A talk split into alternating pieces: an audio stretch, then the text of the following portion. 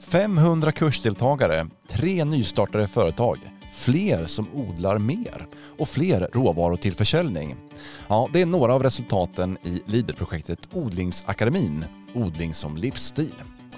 Och I det här avsnittet av podden Landet så tar vi avstamp i just ett Leaderprojekt för att ge exempel på vad ett sånt kan få för positiva effekter. Och inte minst hur man konkret kan arbeta med hållbarhet. Men vi ska också prata om hur man gör för att få fart på ett Leaderprojekt och nå de här positiva framgångarna. Du lyssnar på podden Landet, en podd från Landsbygdsnätverket med mig Håkan Montelius.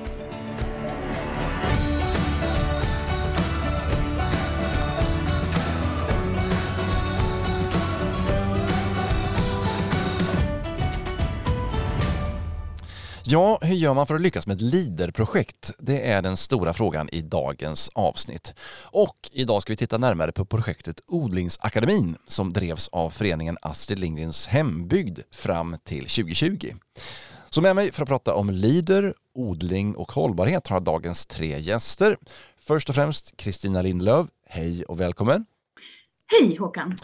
Du är ju styrelseledamot i föreningen Astrid Lindgrens hembygd och sitter med i styrgruppen för det här projektet Odlingsakademin.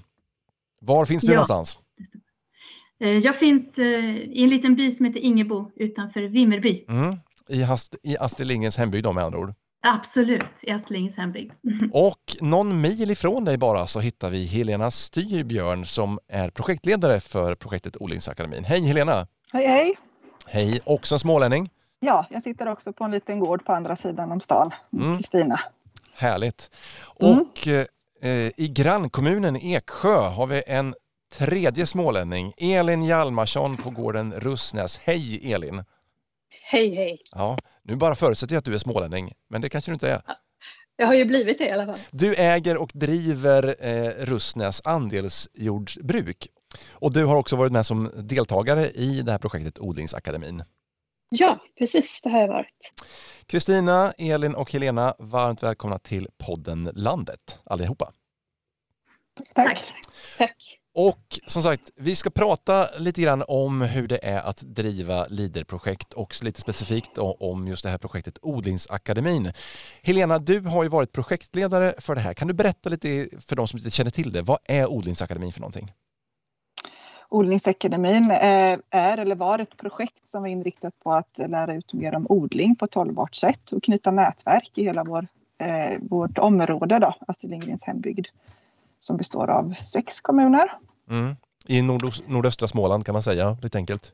Ja, precis. Eh, så vi hade mycket föreläsningar men också trädgårdsvisningar, studiebesök och en skördefest och lite annat.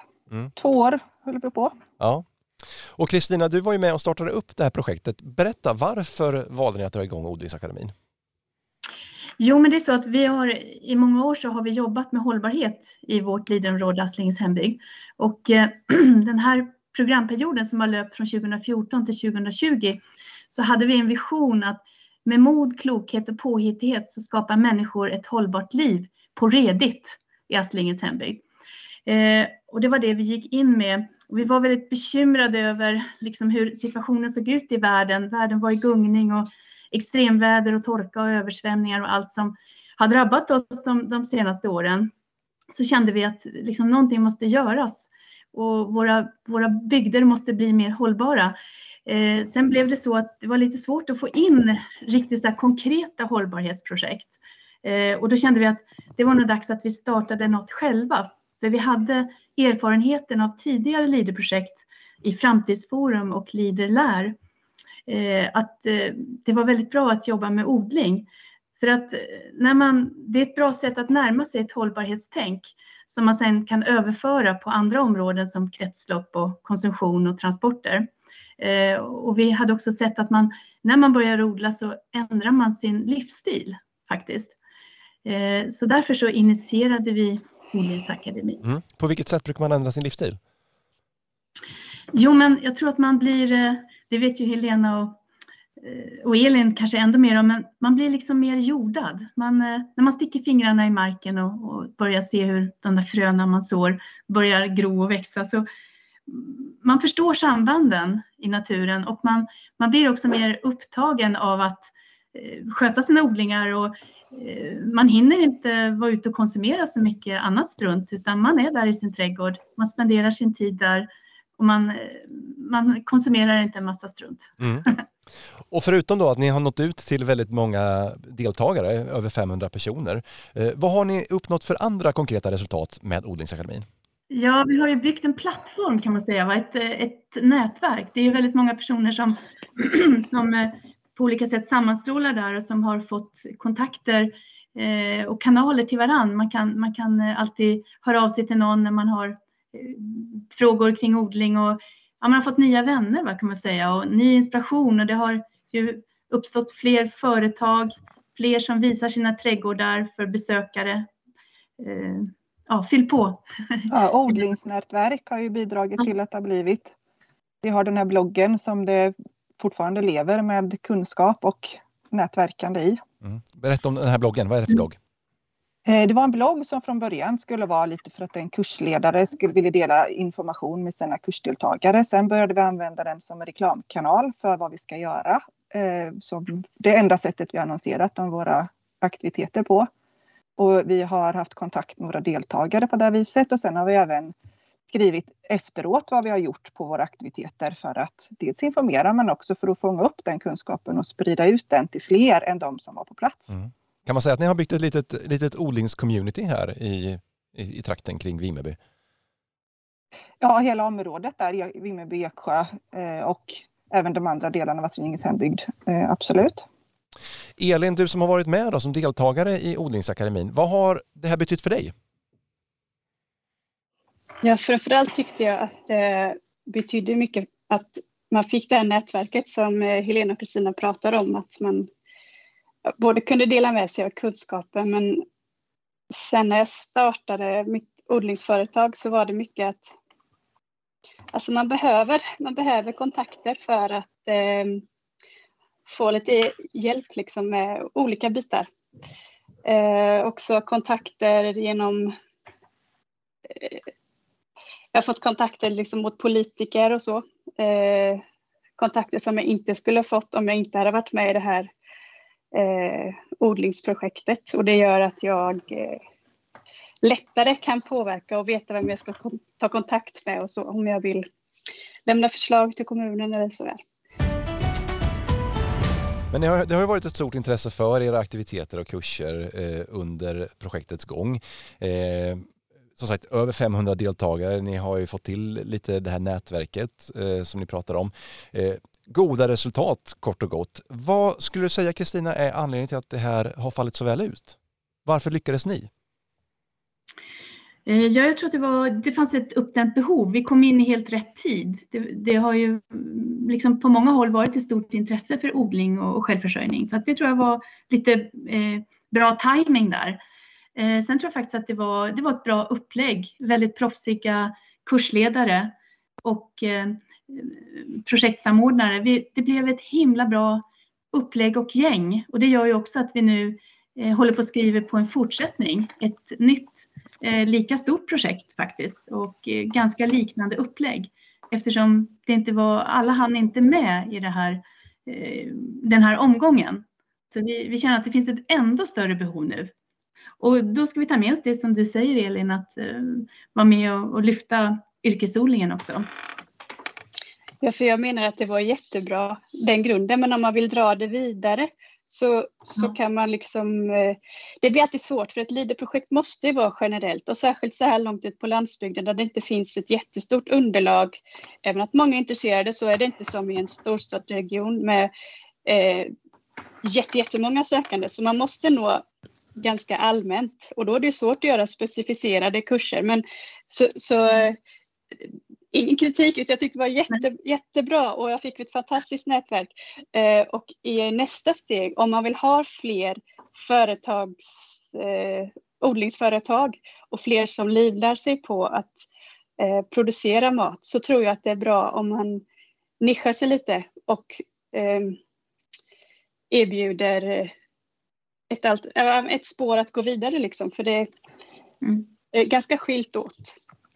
Helena, du, du som har varit eh, projektledare för det här projektet, vad skulle du säga? Vad, är, vad har varit framgångsfaktorerna enligt dig?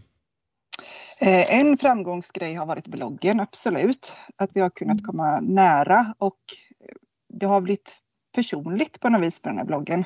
Vi har haft kontakt med deltagarna, de har skrivit egna inlägg, de har kommenterat och det har varit tillgängligt för många.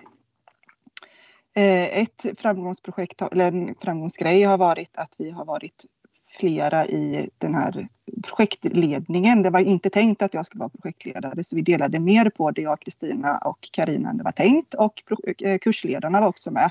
Så vi träffades flera gånger och spånade tillsammans och vi hade olika styrkor, olika erfarenheter och det har varit jättebra. Eh, och sen även att det varit eh, mer flexibelt än det kanske brukar kunna vara i de här projekten. Mitt första projekt, så jag vet inte, men vi har ändå kunnat anpassa oss ganska mycket efter vad som har kommit upp under vägens gång, vad folk vill göra, vad det finns för möjligheter. Vi hade en plan med kanske större föreläsare, större studiebesök och vi landade i mycket mer lokala och mindre sammanhang där vi verkligen kunde knyta mer kontakt med varandra. Mm. Så det blev inte riktigt som ni hade tänkt er från början då? Nej, det fick utvecklas lite under tiden eh, och att kunna göra det är helt fantastiskt. Att man kan se vad har vi för behov och vad har vi för möjligheter och sen kunna styra det lite mm. och inte vara helt låst till en plan. Elin, vad säger du? Jag tror inte att det Eh, var negativt att det kanske inte blir de här jättestudiebesöken. För jag tänker att om det blev lite mer lokala studiebesök så blev det ju lättare att hålla kontakten efteråt och att de studiebesöken i de olika trädgårdarna här lokalt eh, gjorde mycket för projektets eh, gemenskap.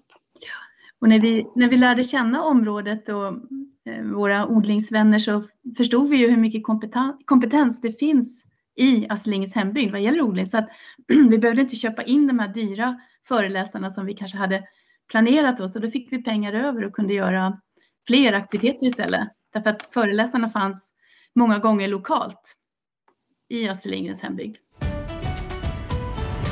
Elin, du som deltagare, hur fick du reda på att det här projektet fanns? Det var genom tidningen, en annons i tidningen. Ja. Mm. Kände du till eh, att det fanns sådana här projekt eller LIDER-konceptet sedan tidigare eller var det någonting nytt för dig? Nej, det var någonting nytt. Vad tänkte du då när du upptäckte det här? Eh, jag tänkte att det här, det här skulle bli en jättebra skjuts att liksom komma igång. Eh, att det var ett LIDER-projekt uppfattade jag nog inte förrän jag hade liksom startat utan det var liksom kursledares kunskap och gemenskapen i ett eh, odlingssammanhang här mm. som jag kände att det här vill och måste jag bli en del av. Men skulle du säga att det var Odlingsakademin som fick dig att ta steget att gå och, och starta företag? Eller gå från hobbyodling till mer kommersiellt? Ja, kanske. Jag vet inte. Jag kan inte... det har bidragit till det. Det var väl en bidragande orsak, absolut absolut. Mm. Helena, eh, ni har ju pratat lite grann om det här men, men Odlingsakademin den avslutades ju som sagt 2020. Vad händer med det projektet nu och hur tar ni kunskaperna vidare? Förhoppningsvis kan det bli ett nytt projekt nu då, annars så vet vi att det spinner vidare i lokala nätverk och aktiviteter runt om i hela området. Eh. Vet du några mm. konkreta exempel på, på aktiviteter redan nu? Vet att det pågår kurser, att det finns nätverk som anordnar träffar och plantbytardagar. Eh, det finns eh, bloggen lever ju vidare. det finns Facebookgrupp som lever, lever, vidare där man kan ställa frågor till varandra och kommunicera. Mm. Och det finns, vi har ju också delat ut tio stycken odlingstunnlar som man fick ansöka om. Så det pågår ju. Jag var ju en av dem som fick en av de här tunnlarna och det var ju ovärderligt för det är så otroligt många utgifter när man ska starta företag och särskilt inom odling när man får betalt för en vara som man inte har att sälja förrän allt är inköpt med bevattning och växthus. Så att, eh, det var en fantastisk eh, möjlighet att kunna förlänga säsongen och odla saker som inte går annars utan växthus. Och jag tror att vi alla som fick, eh, vi skrev i alla fall lite, jag vet inte, du var nog inte ute här, men vi skrev, du samlade in lite bilder och, och berättelse för, från oss mm. som hade fått den och det låg också på bloggen. Eller kanske Precis. Kvar, ja, det ligger kvar på bloggen. Ni berättade om era växthus och era planer och, och lite så. Kristina, du var inne lite grann på det här tidigare, men det här var ju ett projekt som ni valde att starta i egen regi. Varför då? Ja, helt enkelt för att vi inte fick in någon liknande ansökan och det kanske inte är så lätt heller att, eh, att driva ett miljonprojekt som det ju blev då, drygt en miljon. Det måste man ju vara en stabil organisation som går in och söker ett, ett sådant projekt. Så att, eh, då passade det bra att vår egen förening då, Astlings hembygd, gjorde den ansökan. Mm. Jag kunde också se att det behövs en hel del kunskap för att få allting rätt administrativt och det kunde ju Karina och Kristina som tur var. Mm. Och så har vi en administration på vårt Lidekontor då med en ekonom och en verksamhetsledare som ju har varit ovärderliga. Till exempel då när vi har behövt ändra lite i budgeten för vi har kommit på att nej, men vi ska göra de här aktiviteterna istället och då har vi haft en trygghet i den här ekonomen Sören som och eh, Johanna som jobbade då på kontoret att ja, men så kan ni göra och vi gör så här och så här och vi redovisar så här. Och, så att man, för det måste ju gå ihop i slutet eh, och man måste få ihop en slutrapport och all redovisning och alla kronor måste stämma på öret. Och det gjorde det. Vi fick inte en enda fråga sen på vår slutrapport och det är ganska unikt. Så mycket bra organisation bakom. Mm. Och när det gäller just de här frågorna om, om miljö och klimat och, och omställning till ett hållbart eh, odlings, eh, eller till hållbar odling och så vidare. Eh, hur har ni i, i laggruppen resonerat och vad har, vad, vad har varit viktiga frågor för er där? Eh, ja, vi har ju känt att eh, vi, vi har ju haft det här som ett övergripande mål med hållbar utveckling och alla projekt måste passera genom beredningsgrupper och kunna visa upp hur man, hur man jobbar och hur man tar hänsyn till eh, en hållbar utveckling.